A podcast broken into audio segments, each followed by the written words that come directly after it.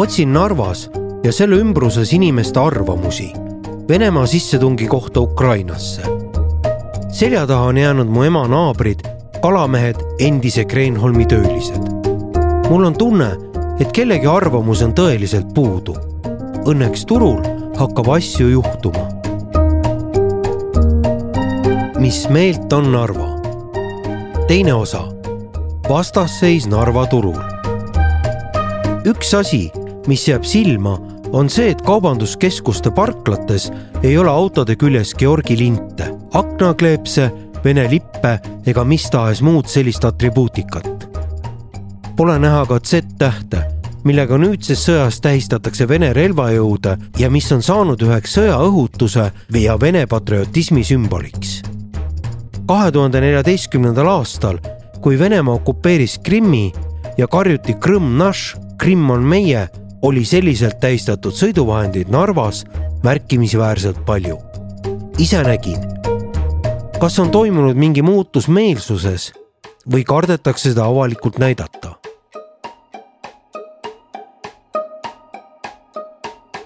pargin auto Astri kaubanduskeskuse juurde. kõrvalmajas tegutseb turg, kus müüakse pudi-padi, mänguasju, riideid ja muud sellist pusad, kampsunid, sviitrid, dressid, teksapüksid ja retuusid on riidepuudel ilusti eksponeeritud. müügiletid on üksteisele nii lähedal, et müüjate erinevad arvamused jõuavad kõik korraga minu kõrvu. me oleme loomulikult sõja vastu. ma ei saa muidugi rääkida kõigi eest, aga oleme sellele vastu. see on kohutav. täpselt samamoodi arvavad inimesed Venemaal, teatab üks müüja. kas Venemaal on inimestel üldse infot mis tegelikult toimub. ma ei tea, mul ei ole seal kedagi. lapsed ja kõik on siin. tänu jumalale, et ma ei ela seal. terve maailm on ju nüüd nende vastu. see on korralagedus. miks üldse oli vaja Ukrainasse minna? Nad oleks seal ise oma asjad korda saanud, leiab ta. kardan anda muidugi hinnangut, sest ma ei ole poliitik, olen lihtne inimene, aga mul on tunne, et see asi võib seal kesta kaua ja lõppeda ei tea millega. see on ennustamatu, mis võib seal inimestele pähe tulla, jätkab sama müüja. kas inimesed Narvas on ärevil? ma arvan küll, aga te võite siin veel uurida seda. näiteks see naine triibulises seal, küsige tema käest, tema võib teile informatsiooni jagada, soovitab kuuekümne kahe aastane Irina, kes end pildistada ei luba oma boksidest tulevad välja veel kolm naist ja asuvad vestlusse. me oleme ära lõigatud, me ei arva midagi, meil ei televisioon ega raadio ega mitte miski ei tööta ju, me oleme desinformeeritud. Мы, а. мы, мы дезинформированы, короче. А. У нас ни радио, ни телевидения нету. mina vaatan Youtube'ist, ütleb naine triibulises. aga tema häält ei taheta väga kuulda ja jätkatakse temast üle rääkides enne kui mingid kanalid veel kuidagi töötasid, siis tuli veel mingit infot. ühed rääkisid küll ühte, teised teist, kolmandad aga hoopis midagi muud. me vaatasime ka välismaa omi, ka Eesti asju, kõik, mis olid vene keeles. seal oli mingi kanal Dva pluss, aga seal oli kogu aeg üks ja sama. mul on tunne, et see kõik ei ole tõsi, mis nad räägivad. desinformeeritud naine vastab mul siin näiteks ei ole internetti ja kodus pole mul aega kuskil Youtube'is ringi ekselda. kas Venemaa kaitseb ennast või peavad nad ikkagi sõda võõra riigi territooriumil? mis enesekaitse, kõige naturaalsem sõda käib, seal tapetakse noori inimesi, poisse. Venemaa sõdureid on hukkunud üle kuue tuhande. kõrvalt hõigatakse, et see ei ole õige Iira, täpne arv on nelisada üheksakümmend kuus. ära aja jama jah, viissada on neid. hommikul öeldi ju nii, kinnitab ka kolmas selle fakti Iirale üle. lisatakse, et ega Venemaal ei ole ju idioodid, et läheksid lihtsalt niisama kallale. ju siis oli seda ikkagi tarvis. targad inimesed on seal ja nad teavad täpselt, mida teevad. kuigi liigub ka infot, mis on väga vasturääkiv ja kuulujutte on palju. puudu on tõesest informatsioonist. aga millist infot te siis ikkagi usaldate? ausalt öeldes usaldan mina Vene oma. teine naine kinnitab sama, kolmas ütleb, et ta tegelikult ei tea, kuigi mulle tundub, et ta siiski arvab end teadvat, aga tahab jätta mulle teist muljet. Nad kordavad, millest me üldse räägime, kõik kanalid pandi ju kinni, isegi ETV Pluss on maas. seesama kolmas võtab äkki aga uue suuna ja ütleb, et tegelikult vaatab ta ainult filme. siis kui süüa teen, siis nad järjest tulevad. film, film, film ja filmi järel film. esitan uuesti väite, et see, mida Venemaa teeb, on ikkagi sõttaminek iseseisva riigi vastu. selle peale tuleb pikk ja hinnanguline ohe ning öeldakse seda, mida olen juba kuulnud. aga kas see ei olnud siis agressioon, mis kaheksa aastat ukrainlaste poolt toimus? kuidas seda siis nimetada? ütlen, et see on valetamine ja propaganda mida teeb Vene televisioon. no vaadake, meie usume seda, mida meile näidatakse. näiteks purustatud majad, mis see siis on? küsitakse selle peale. lõpetuseks ütlevad naised, et nad ikka loodavad väga, et see kõik lõpeb kiiresti. oma nimesid nad öelda ei taha ja pilti ei luba endast ka teha.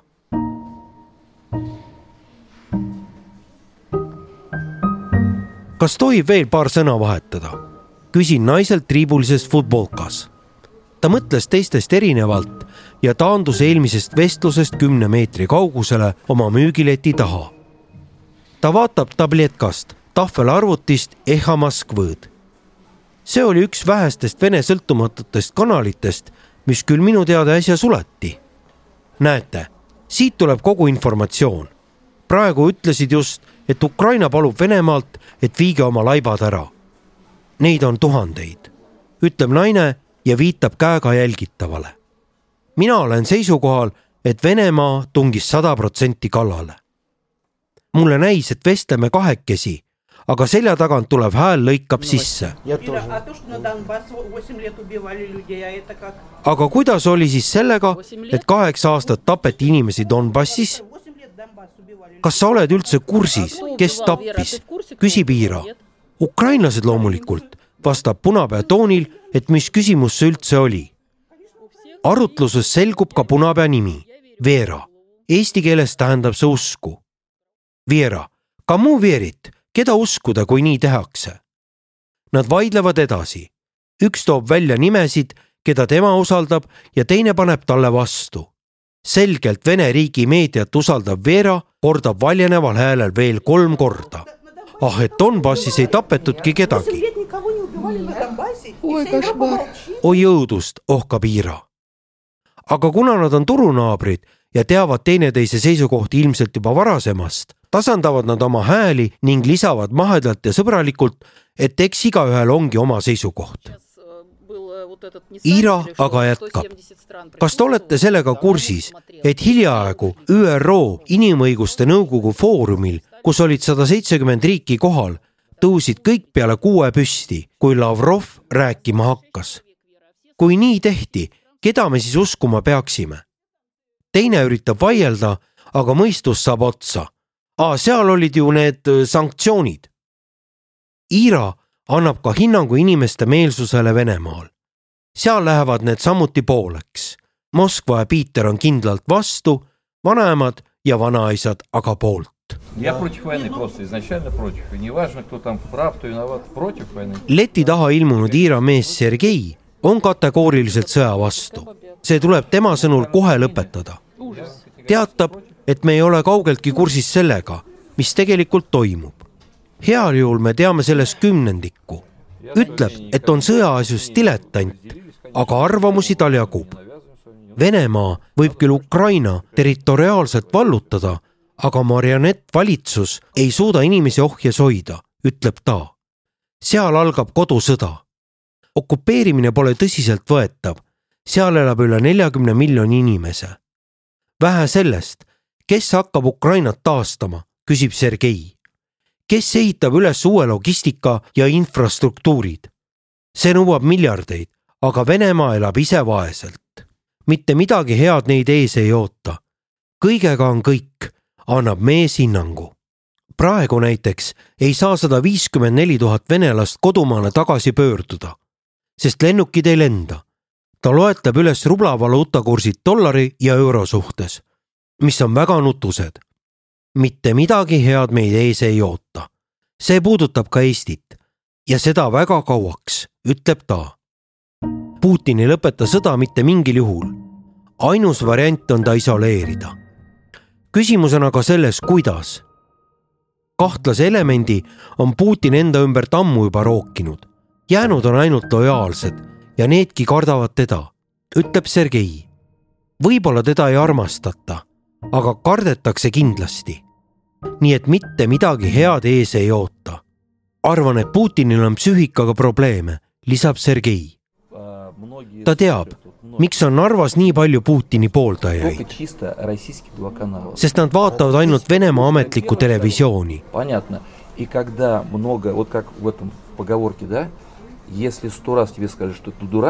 ja nagu ütleb kõnekäänd, kui sulle öeldakse sada korda, et sa oled loll, siis saja esimesel sa hakkadki mõtlema, et äkki olengi. ja kui sulle öeldakse, kes on head ja kes on halvad, siis nii ongi. aga tegelikult on võib-olla hoopis vastupidi. mina vaatan mõlemaid, nii ametlikke vene omi kui ka Youtube'ist alternatiivseid ja nii kujuneb välja mitmekülgne maailmavaade on vaja mõelda ja analüüsida ja ma ei saa öelda, et mul on kõigis asjades õigus, selgitab ta. sõda on vaja lõpetada, aga see ei lähe nii kiiresti seal läksid juba kassettpommid käiku. Putini jaoks on Ukraina vallutamine kinnisidee.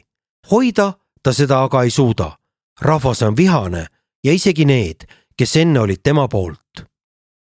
näiteks Harkivis, kus on üle üheksakümne protsendi venelased. Seal on nüüd inimesed näinud, mida toob endaga kaasa Venemaa ülemvõim. surm, purustused ja nälg.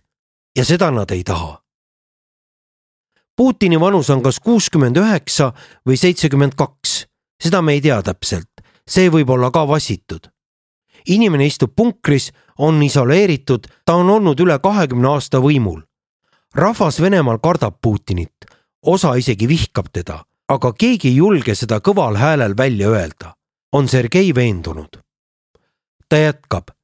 Zelenskõi on aga noor, ta on juut, koomik ja demokraatlikul teel valitud president. ta on suure algustähega humorist ja koomikud on väga targad inimesed.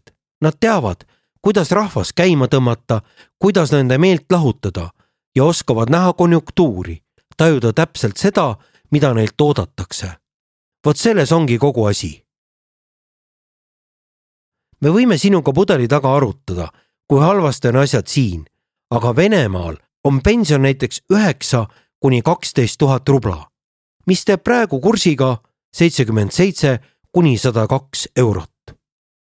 akadeemikud teenivad kakskümmend seitse kuni kolmkümmend kaks tuhat rubla. see on kakssada kolmkümmend kuni kakssada seitsekümmend kolm eurot. tavaline töötaja saab kakskümmend kuni kakskümmend kaks tuhat rubla. see on sada seitsekümmend kuni sada kaheksakümmend seitse eurot.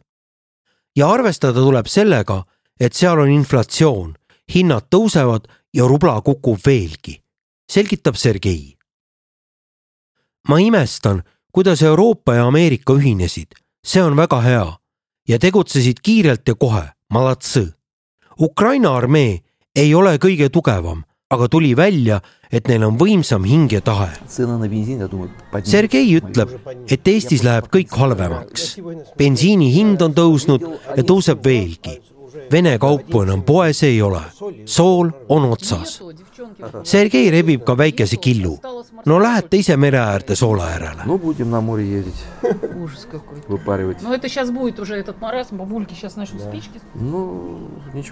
Sergei avab enda tausta ta ise oli kunagi Putini pooldaja, aga ta Venemaale elanud isa näiteks mitte.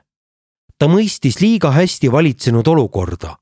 isa ütles talle kunagi, saad suuremaks, siis saad ise aru, et Putin on god, kohutav elajas. Sergei räägib ka oma pojast.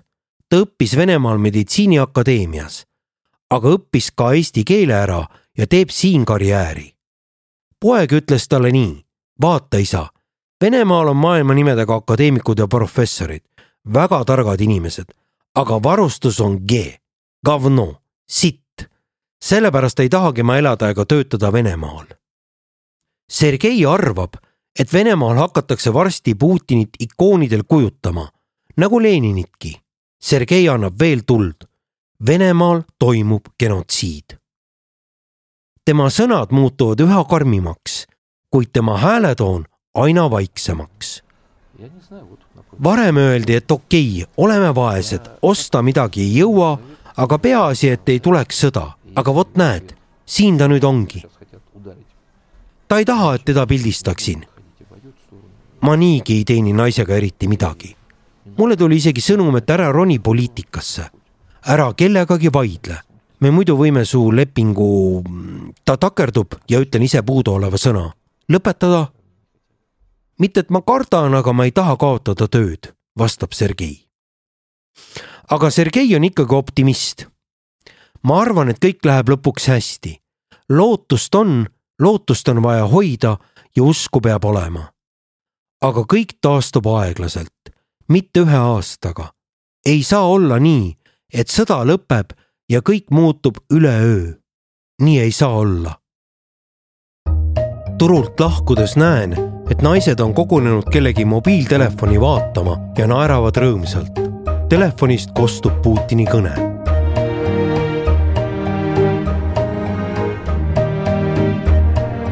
viimase kliendina Chaneliga Francias. päev on olnud väsitav. pikutan vanematekodus Narva-Jõesuus, aga võtan ennast kokku ja lähen välja. sean sammud Franciasse vene keeles Prantsusmaale. see on ka Tallinna hipsterite seas populaarne baar. sulgemiseni on jäänud pool tundi. uksel tuleb mulle vastu baaridaam, kes vist tahtis juba kohta sulgeda, kuna ühtegi külalist ei ole. ta otsustab uut klienti nähes mind siiski sisse lasta ja teenindada. võtan ühe õlle. teeme kohe juttu, aa, et kohe Tallinnast, alustab ta eesti keeles selgitan oma külaskäigu põhjusi ning räägin ka, et olen siitkandist pärit. meeleolud on segased, kellele kuidas, kellel on ajud plastiliinist, kellel mitte. eks see info seedimine siinkandis võtab pikalt aega, räägib baaridaam kohe asjast. ta räägib mulle, et kolis kuue aasta eest siia tagasi. sündinud on ta Narvas, vahepeal käis turismi õppimas. kodukant kutsus aga tagasi ta on harjunud multikultuuriga. mujal Eestis on tema arust kurjust ja viha liiga palju, seepärast tahtis tagasi. ta jätkab, siin on inimesed sunnitud üksteist aktsepteerima, kuna me oleme siin sageli ka kahekeelsest või segaperest pärit. me ei saa üksteist kadestada ega olla kurjad, sest me kõik sõltume teineteisest. mujal on rohkem eestlased üksteisele maiustoiduks. lemmiklinn on tal Eestis Tartu. ta ütleb oma nimeks Chanel ja valab mulle maja poolt pitsi Calvadost. see on niisama. Ida-Virumaa on propaganda pealinn, pehmelt öeldes, ütleb Chanel. ta räägib, millised on inimeste arvamused siin. osad on adekvaatsed, osad on kahe vahel ega oska poolt valida. Need, kes on propaganda mõju all, nad ei tea, mis seisukohta võtta. tahaks olla nagu Putini poolt aga nagu väga ei saa. samas ei usalda ka seda, mis tuleb lääne poolt, NATO-st ja Euroopa Liidust. täna tegi Narva linnavalitsus avalduse, milles teatas, et kedagi ei saadeta välja, ka neid, kes on Vene Föderatsiooni kodanikud. inimesi tuli rahustada, sest sellised kuulujutud olid linna peal levima hakanud. ta on näinud ka seda, kuidas inimesed tänaval telefoniga rääkides nutavad mis me nüüd teeme? mul on seal tütar oma perega. kuidas nad küll sealt ära saavad? mu naine on ka Ukrainas. esialgu on kõik veel hästi, aga mis saama hakkab, ei kujuta ette. aju läheb katki, on ta kuulnud vestlustest. kui ta siia tagasi kolis, siis oli naabrimees alustuseks ta prügikasti põlema pannud. nüüd aga saavad hästi läbi, ikkagi naabrid, fašist, aga ikkagi oma Chaneli arust on praegu just see aeg, mil näeme ära, kes on kes. elame, näeme. paari astuvad kaks noort poissi ja soovivad kaks lahjat õlut kaasa osta. Nad küsivad seda eesti keeles, aga ütlevad õige pea, et räägime parem vene keeles. Chanel kommenteerib seda hiljem nii, et nad lihtsalt häbenevad eesti keeles rääkida. seda tuleb siin tihti ette. on muidugi ka neid, kes ei taha rääkida eesti keeles. köögist astub välja kokk, kes teatab, et buss Narva läheb viieteist minuti pärast ja peame minema. tema hakkab minuga rääkima inglise keeles, aga ütlen, et räägin ka vene keeles. Putini kohta ütleb ta nii ta on ennast juba paar aastat teistest isoleerinud. ta kardab haigestuda. ta tarib endaga kaasas ka spetsiaalset peotualetti. ükspuha, kuhu ta ka ei läheks. tema ümber on ainult tema õukond, saadikud ja oligarhid, kes on õppinud rääkima talle ainult seda, mida ta kuulda tahab ja mis talle meeldib. ta on ise oma propaganda ohver.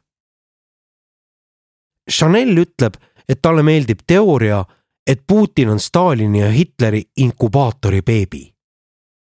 Koka arust oli Hitler võrreldes Putiga maladjets. tal oli vähemalt au ja südametunnistus. kui ta saatis oma armee sõtta, siis ta vähemalt ütles, mille eest nad sõdima lähevad.